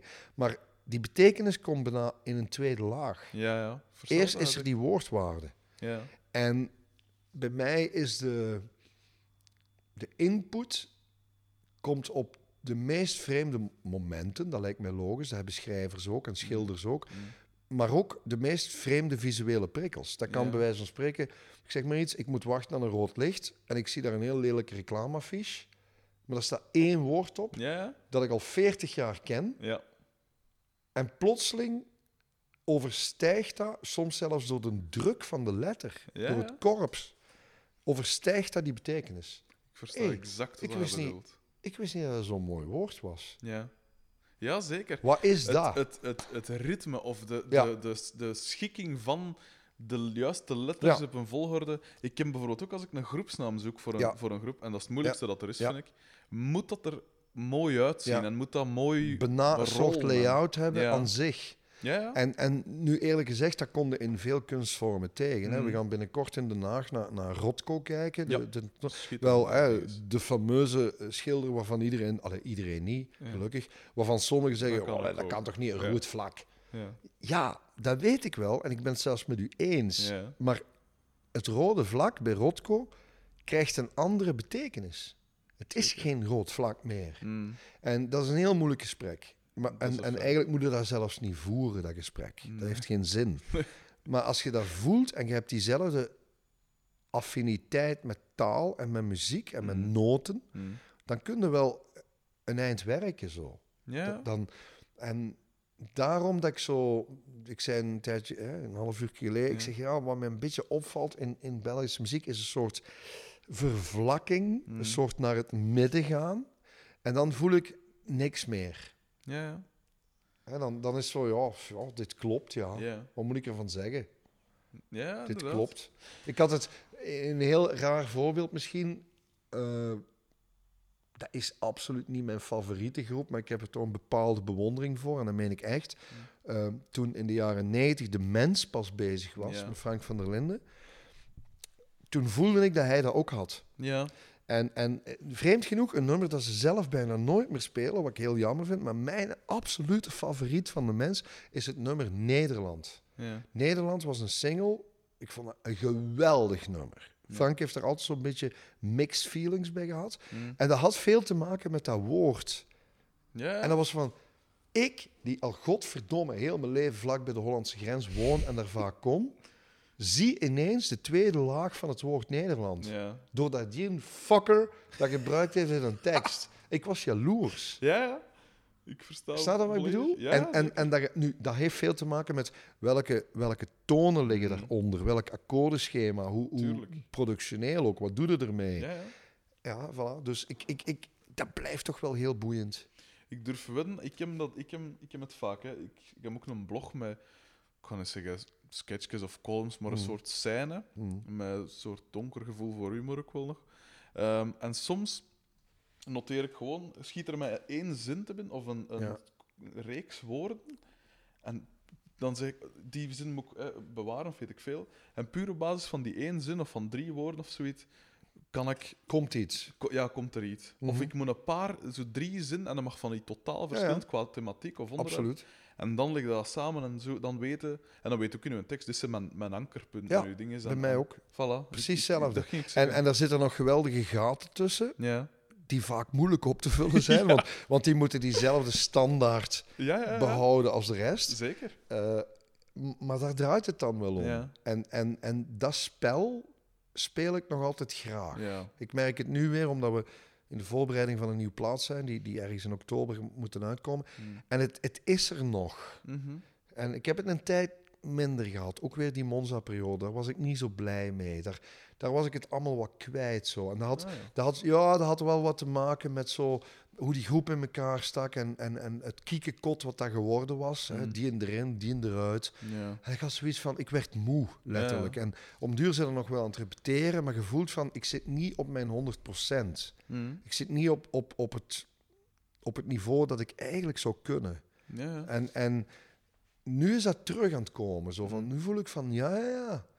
Waarom heb ik dit? Want ik doe het juist zelf. Nee, ik, ik schrijf ook dingen op. Heel Ja. vaak op mijn telefoon. Ja, En dan, vreemd genoeg, want context is belangrijk. ja. Drie weken later zie je die vier zinnetjes terug. Waarom heb ik daar toen drie uitroeptekens achter gezet? Daarmee geef ik aan, hier kun je iets mee. Hm. Huh? Waar was ik toen dat ik dan een belangrijke zin vond? Mhm. Maar, maar dan is het kwestie van dat terug eh, te reconstrueren Ja. eigenlijk. En dan, ah ja, ja, natuurlijk. Want toen was dat nummer op de radio. Ja. En dat had daar niks mee te maken. Maar met dat als achtergrond vond ik dit ineens een interessante piste. Ja, ja. Ja, voilà. Ik het gisteren ook tegen... Nee, tegen... Mm. eergisteren tegen Pascal de Wezen. Ehm, Ook een fantastisch figuur, hè? Absoluut. Wat de tien kan. Absoluut. Zeker. Echt, jong. Wel, en we waren bezig over eh, de schrijven en wat dat jij zegt van dat nummer en dit. Mhm. En ik vertelde hem, ik bezig was aan een roman, ook een heel donkere premisse en een, een, een heel... Qua sfeer leunt het zo wat aan. Film is bij bijvoorbeeld een Fight Club, zo Ja. dat nihilistische, dat donkere, dat weet ik veel. En ik zei hem van ja, ik kan eigenlijk enkel daarop schrijven, of daaraan voortschrijven, als ik eh, Tim Hacker opzet. Ik weet niet of je dat kent. Ja, Maar zo heel rare Ja. sfeer. En, en ik heb hem- Tim Hacker on- onlangs nog live gezien en ik was backstage. Backstage. Mhm. Er was eigenlijk geen backstage. Maar ik was hem gaan aanspreken en ik zei hem van... Ik ben bezig aan een boek en ik schrijf hem op uw muziek. Allee, ik bedoel, en, en, uw muziek kan eigenlijk perfect een zien als soundtrack. drone. Ja, Ja. ja, ja. En dat, eh, Maar dat werkt, hè? dat is heel herkenbaar inderdaad nu. Wat hij zegt. Ik heb het heel fel met, met, eh, met films die, die ik goed vind. Ja, Ben ik achtergekomen dat dat voor een buitenproportioneel stuk te maken heeft met de soundtrack.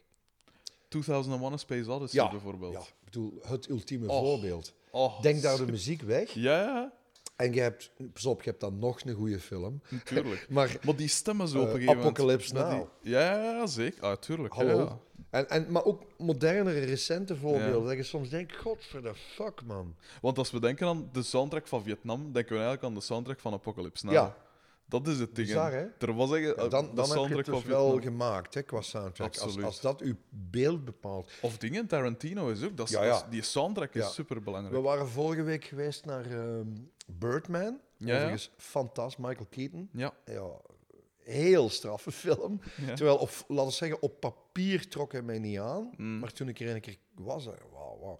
Daar is de soundtrack, vreemd genoeg, alleen maar op sommige momenten een jazz drum solo.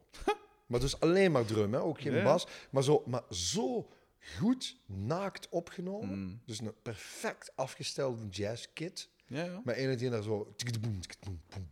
ja. Op, op zo... En, eh, oh. Hoe Ja, kan dat? Ja, Ik tuurlijk. bedoel, dit is, dit is op een dag opgenomen. Mm. Maar hoe straf is dat? Dus alles is met elkaar verbonden. Je, je kunt een titel in de krant. Ik, Mm. ik lees eh, de morgen iedere dag de standaard. En als Limburger zijn ook het belang, uiteraard. Uiteraard. Anders krijg je bezoek van de gouverneur bij ons. Ja, die, die daar komt. Ehm, en, en soms zijn het woorden in een ondertekst. Of, Mm. of snap je? Of, ik denk, tja, tja, opschrijven. En ik doe daar niks mee. Mm. Maar dat vormt u... Maanden later herkende amper nog de bron. Ja. Maar je hebt wel even die trigger nodig. Dat is het spijtige aan eindredactie. Je mag weinig mooie woorden gebruiken. Ja. Het moet echt... Ja, ik weet niet hoe het bij jullie werkt. Zelfs nu bij de morgen, ik werk daar heel graag, maar Ja. het moet vooral ja, du- duidelijk en functioneel zijn. Hè. En soms denk ik van, oh, hier is ook zoiets. Hier is meer kunnen we mogelijk. doen, of een alliteratie, of, een, of het ritme van een zin. En soms moet dat dan Ja, sneuvelen. Maar dat is natuurlijk, ja, dat is een job, hè. Dan Ja, doe je wat dat je gevraagd wordt. Maar je maakt wel de tekst, of niet? Eh, ik bedoel, eh, de titels. Eh, het hangt ervan af, als er een goede op staat, dan laten Ja. we hem staan. Als er een Mhm. slechte op staat. Ah. Maar titels verzinnen is mijn slechtste dingen eigenlijk. Eh, correctors en dat, dat gaat mij Mm. heel goed af, maar, maar de juiste titel, omdat ik hem vaak te mooi of zo wil maken. En niet... Ik heb op de nationalistiek studeren heb ik tijdschrift gedaan, omdat ik ook daar kunde meer Eh, Ja, ja. Dat is niet nieuws, nieuws. Ja. En dat is meer, je Ja, meer spelen. En, en, duiding en, en, en, suggestie ook. Spelen met taal, ja. dat is waar. Want ik ben journalistiek gaan studeren om columnist te worden. Omdat ik Bomans en, en Ja. Carmichelt en Hugo en ja, bij Bomans, de naam is nu nog niet gevallen. Ja, jij nu. Is... Maar dat was Oh. bij mij het begin, hè. Ik heb onlangs, ik heb er hier op foto staan, eh, een stuk van een boek van Bomans, ik denk dat Capriola was. En ik, heb, ik had de foto op eh, Instagram gezet ook. En niemand zou begrijpen waarom dat ik hem zo schitterend vond. Maar ik heb er minstens 10 minuten aan een stuk met, met, met, met Een gelachen. foto van, van de cover. Ah, wel, ik, had, ik had de pagina en ik zeg hier moet ik een foto van pakken, want dit, is, dit is te goed. Capriole, is, dat zijn zijn korte stukjes. Ja. dat is top, hè. Oh, dat is, ah, ik ga hem zoeken, want het is echt een schitterende zin. En jij gaat, vers- jij gaat verstaan Nu, waarom. het is geen toeval dat bijvoorbeeld een Guy Mortier. Ja, ook een enorme Bomans-fan was, hè. Terecht. Hugo Matthijssen ook, Kees van Koten. Tuurlijk, Alleen ook ja. mensen die met taal bezig zijn. Zeker. En, ja, Bomans is top, hè. Ik vind dat zo jammer. Ik heb nu zijn cd's in een auto. Ik heb hem zo- ik heb hem zoek. Ik heb hem zoek. De ik heb box, hem hè? Ja, ja, Ja. Hij- Schitterend. maar ja, maar hij, weet je wat mij opviel? Hij Wat, praat niet zo goed, hè. Nee, Voor een publiek. nee. En hij doet ook die typische... Allee, zijn, Zijn zijn teksten zijn van geweldig. spreken, Zijn teksten Maar, maar eh, bijvoorbeeld mijn vriendin haakt af door hoe hij spreekt. Ja. Ook Terwijl al- al als ik hem lees, dan, dan, dan hoor ik eigenlijk iets anders. En dan, dus het valt mij soms tegen hoe, hoe slecht hij spreekt voor een publiek. Want zijn zo, Ja. vaak zijn het zo gehoord kleine zaaltjes. Ja, ja. Zo, ik denk zo het Davidsfonds van Holland. Zo, ja, Hè? tuurlijk. Ja. En dan wordt wel gelachen, Ja. maar hij is geen vlotte verteller. Nee. Nee. Nee. En eh, wat dat trouwens, ik vind het beste van die CD-box, dat verhaal van als hij vertelt van, dat zo mee op, dat op reis gaat ergens. En eh, dat ze dan in een. De mannen waren dan in een stripclub of zoiets Ja. be- beland. En dan de volgende dag zaten ze op de bus, hadden ze zodanig veel bloot gezien. Ja. Dat iemand, wat was het? Iemand zet zijn hoed af of zoiets. En Ja, dat was al- Zet hem weer op je harsens, Willem, want ik kan geen bloot meer zien. schitterend. Maar dus de passage dat ik. En het is, het is schitterend. Het gaat over. ehm, eh, hij had een, op een concert gezien van een orkest. En hij zegt: Wacht ze. Hier. Een vraag die ik mij gedurende het gehele concert al gesteld heb, is deze. Wat beoogt de heer Vissering eigenlijk met zijn piccolo? Meent hij in... Oh, ik ken dit stuk. Ja, meent Waarin hij... hij alle instrumenten afloopt. ja. Meent hij in ernst dat het stuitend gerochel dat hij voortbrengt langer dan één minuut te harden is? De heer Nibbelbeen daarentegen, aan wie in een onzalig ogenblik de waldhoorn is toevertrouwd, zou stellig een redelijk figuur slaan als hij niet gewoon was om vlak voor de uitvoering een bord pap te eten. Hieraan is ongetwijfeld het vreemde, belustige, we mogen wel zeggen borrelende geluid toe te schrijven dat hij aan dit nobel instrument ontlokt. In de hoge noten verheft hij zich weliswaar boven, ja, ik moet daar ook. Ik heb het juist zelf. boven dit euvel, doch vervalt ogenblikkelijk in een ander uiterste. Hij begint te piepen. En zijn gepiep zal nog te... Dat stuk heet zo. Een hoog gepiep. Zoiets, ja, ja, ja, Een inderdaad. hoog gepiep, of zoiets heet dat Ja. stuk. En zijn gepiep zou nog te dulden zijn als, hij, als het niet zulk een door en door naregeestig, knijperig, ijl, dun en dor gepiep was. Hé, maar wacht eens. Wat hij hier doet, dat doet hij vaak. En ik lees dat heel graag. Hij heeft ook een aantal stukjes over de Olympische selectie van Nederland. Ja, en dat mij dan meedeed Ja, zo. en hij, wat ik zo straf vind aan Bomas is, hij was altijd deskundige. Ja, ja, ja. En zo van- ja. En dan zegt hij van, wat menen wij te bereiken met juffrouw, en dan zo'n naam, hè, in Moskou. Hè, ik zal het u zeggen, Ja, ja. niets. Ja, niets gaan wij bereiken. En met dat, met dat biljarten. Dat een zegt van tjeu. Dan zo elkaar als zo'n tjeu. En dan zo... Oh, dat Er is is zo trouwens wat dat betreft in een van zijn verzamelaars een legendarische. Dat heet Bezoek aan een golfkartonfabriek. Oh, dat, dat, Dat is een hele schone. Daar doet hij dat volgens mij voor het eerst.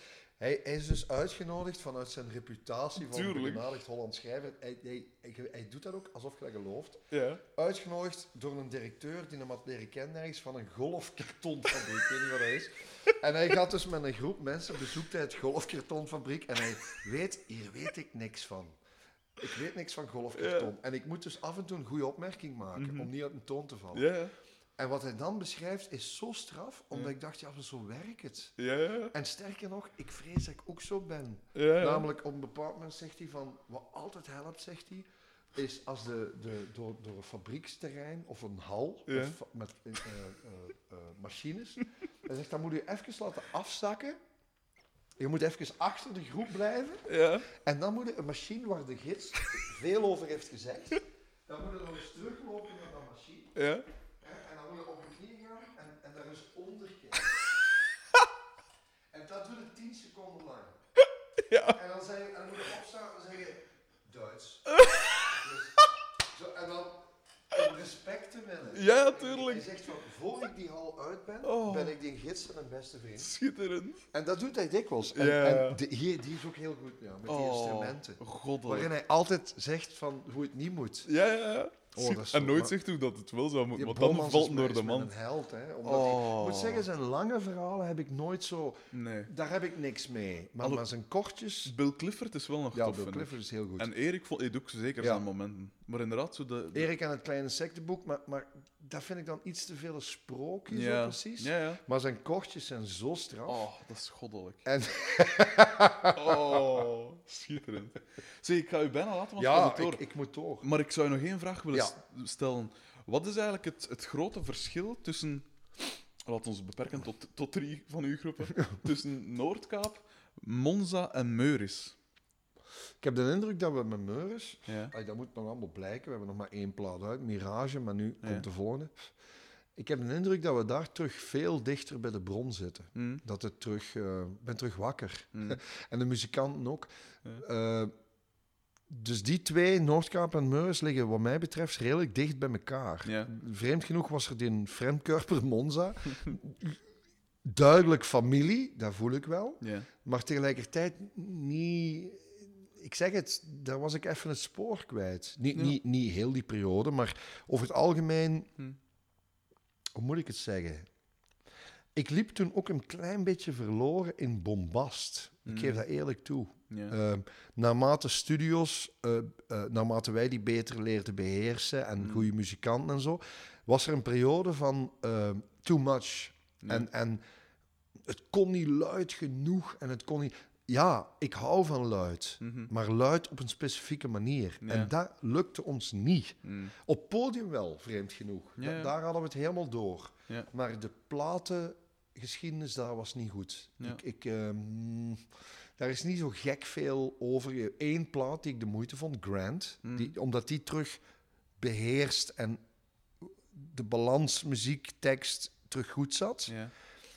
Maar de rest was ik niet zo tevreden over. Dus dat was, vond ik een beetje een downfall. Ja.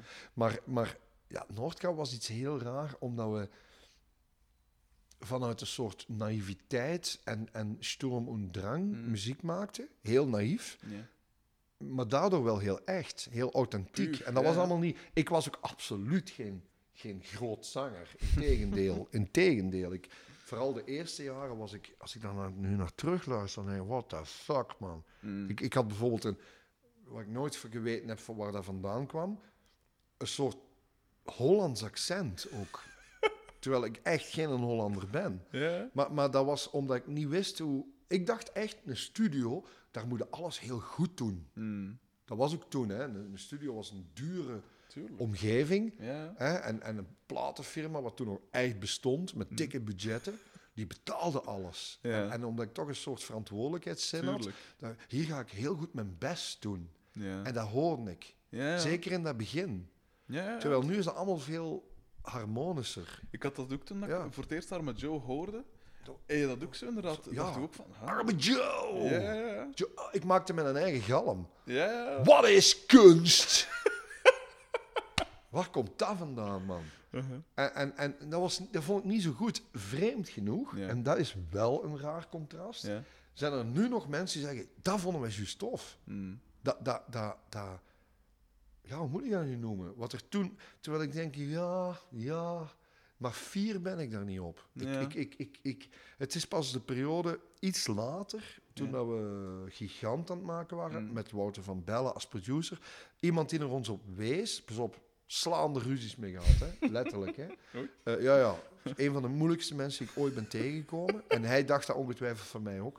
Dus dat botste van alle kanten. Maar daar hebben we wel drie fijne platen mee gemaakt. Want Wouter was iemand die heel goed kon filteren. Die, die, Mm. die, die kwam naar onze repetities en die, die was eigenlijk nooit enthousiast. Zei, ja, ja, ja, ja.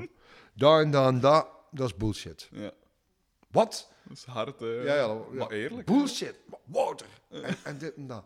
Nee, daar gaan we zelfs niet opnemen. Eh, maar daar, daar, Ja. dat is goed. Ja. En, en, en, en dat was de eerste keer dat er zo eens iemand zich mee moeide. Ja. Toen had ik daar gruwelijk veel problemen mee. Nu ben ik veel rustiger en, en menselijker geworden op dat Mm. vlak. Maar ja, Noordkaap was...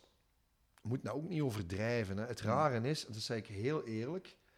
Op een duur, iets wat ver in de tijd ligt... Mm. krijgt soms een mythische glans... die het misschien net niet verdient. Nee. Nee. Ik zie dat trouwens overal, hè. met boeken en dat ook. En, Ja, en dat, je denkt, dat ik soms denk... Mannen, dat was niet allemaal goed, hè. Ja. Eh, Nee. Want dat was ook veel geploeter. Ik bedoel, de momenten dat we op een, op een bemodderd terrein naast een discotheek op een D-festival stonden, die herinnert niemand zich. Nee, het is dat. Maar ik wel. de... Snapte? Iedereen Ja. herinnert zich enkel maar de dingen die lukten. Ja. Maar ik weet dat er ook allee, ongelooflijk veel onbetaalde ellende was. Ja, zeker. Weet je dat je soms om vier uur s'nachts in je busje terugkomend van Leeuwarden dacht van waarom hebben we daar in godsnaam Ja. voor veertien zatte Hollanders gespeeld? Ja, ja. Inderdaad. Ja, en eerlijk gezegd, dat is nu nog steeds bij bands. Mm. Hè. Niet bij, bij ons ook, voor alle duidelijkheid. Maar al die hoera-berichten uit het buitenland. Mm. Ja, ik, herinner mij, dat was trouwens wel een zeer goed concert. Toevallig twee jaar geleden in, ik weet niet, 2013. Ik was een paar dagen met mijn vriendin op citytrip in Kopenhagen. Ja. Geweldige stad. En ze had het onzalige idee gehad. omdat, eh, ja, dat was eigenlijk lichtjes een vergissing, zo bleek achteraf. Ze zei, ja, ik heb nog een verrassing. Ik heb tickets gekocht voor een concert. En dan ben ik al de controlefreak. Ja, Toch een goed concert, hoop ik, hè? tuurlijk. Ja. Eh, eh, ja, ja, ja. Dat was helaas niet het geval. Eh, ja, nee, dat, dat had ze moeten weten. ze had tickets gekocht voor de Editors. Nu, ik moet eerlijk zeggen, de eerste twee platen van de Editors, jaren geleden, die vond ik heel straf. Ja. Maar toen dat een wereldgroep werd, toen had ik zoiets Ja. van, alleen Bart Steenhout vindt het nog goed. Eh, met alle respect voor Bart, want ik heb Ja. die mens zeer graag. Ik. Ook geen makkelijke, dat weet ik. Nee. Maar er is wel diep respect onderling, dat is wel tof. Maar Bart is er helemaal zot van. Hè? Ja. Hij heeft zo, Coldplay is ook zo. Hè? Ja, ja. Maar goed, ik van het begin. Dus we gingen naar de editors in een soort AB-achtige zaal. Mm. In, in eh, de Vega heet dat, prachtige zaal. Gelukkig was het voorprogramma Balthazar. Ja. En ik had die toen nog nooit gezien, Mm. twee jaar geleden. Ik vond die muziek wel oké op de radio en zo, maar ik kende dat eigenlijk niet goed. Ja. Om lang verhaal zeer kort houden. Die speelden het voorprogramma terwijl het publiek nog moest binnenkomen. Oh. Dus die, en dat was een hele tour van 30 optredens in het voorprogramma van, van de editors, Ja. heel Europa. En hoe ondankbaar dat dat was. ja, dat is een feit. Dus dat was, Oh. Maar dat was keigoed. En, en naarmate die Denen binnenkwamen, en op een duur was er dan toch, zal nu zeggen, 200 man. Ja. Zelfs die 200 man voelden van, oh, Ja. hier gebeurt iets. Ja. En, en, en dat was ook zo. Die waren op het scherp van de snee aan het spelen. En Mm. dat lijzige van die stem, van die zanger, waar Mm. ik soms wat moeite mee had, plotseling klopte dat op dat podium. En die heel korte bas, ja. was ja, ja. heel tof allemaal wat die deden. Dus ik wil maar zeggen, eh, je ziet niet altijd de ellende. Mm. Eh, het enige wat je ziet is een, een- krantenverslag. Balthazar succesvol op tournee in Europa. Ja, ja. Oeh, ik heb ze daar zien spelen voor 50 man. Ja, ja, tuurlijk. Maar ja, dat hoort er allemaal bij. Ik moet mij excuseren, ja, helaas. Geen, enkel probleem. Ik zeg het, desnoods doen we ooit een deel 2. Oh, graag. No problem. Met veel plezier. Eh, want het is wel tof om te doen. Hè. ja, het is al tien voor. gaat Ja, dat is niet zo heel erg. Maar Ah, ik oké. moet wel Oké. proberen ongeveer op tijd te zijn. Ja. Alleszins enorm bedankt dat je het wou doen. Hè. Ja, bedankt voor de uitnodiging. Ehm, zeg, ik zal u een blog wel ergens vinden. Hè. Ik, zal, ik zal een keer een link sturen en zo. Eh, van deze? Ja. Dit is eh, een Soundcloud en dat heet DI Podcast. Omdat ik, ik wist geen naam en feedback en fuzz en dat is allemaal gepakt. Dacht ik een, een DI-box. al heel veel mensen geïnterviewd. Ik heb al nu toch al een man of 11, Allee. 12, zoiets. Het zijn er nog, het zijn er nog 30, 30 gepland. Ja, Mirko gisteren, Pascal de Wees een dag ervoor. Hoe dag- kende jij die allemaal? Mirko bijvoorbeeld, niet zo gek. Mirko ken ik, ik nog niet zo echt. Eh, Waarom kwam er bij hem uit? Eh, ook via via mensen dat zeggen van die moet je echt eens Ja, ja. vaststemmen. Ja. Ehm, maar ja, en dat bleek een super, super interessant gesprek te zijn. Waar heb je hem gedaan? Bij hem thuis. Ja. Ja. En morgen komt... En dus ook bij dingen thuis, bij zijn madame, hè? de zangeres van Arsenal. Hè? Ja, inderdaad. Ja, inderdaad. Ja. hey, ik moet vertrekken. ja, ja, geen probleem. Eh, Geen probleem. Ça va. Even kijken, heb ik alles? Ik ga dat cola-blikje meepakken. Ja, tuurlijk, jong. Pak maar mee. Ehm, ja, maak er iets tof van. Ja, ik... Ik, ik het- ja, jij bent hem. elkaar nog ooit, hè. Sowieso. Kom maar snel op trainen.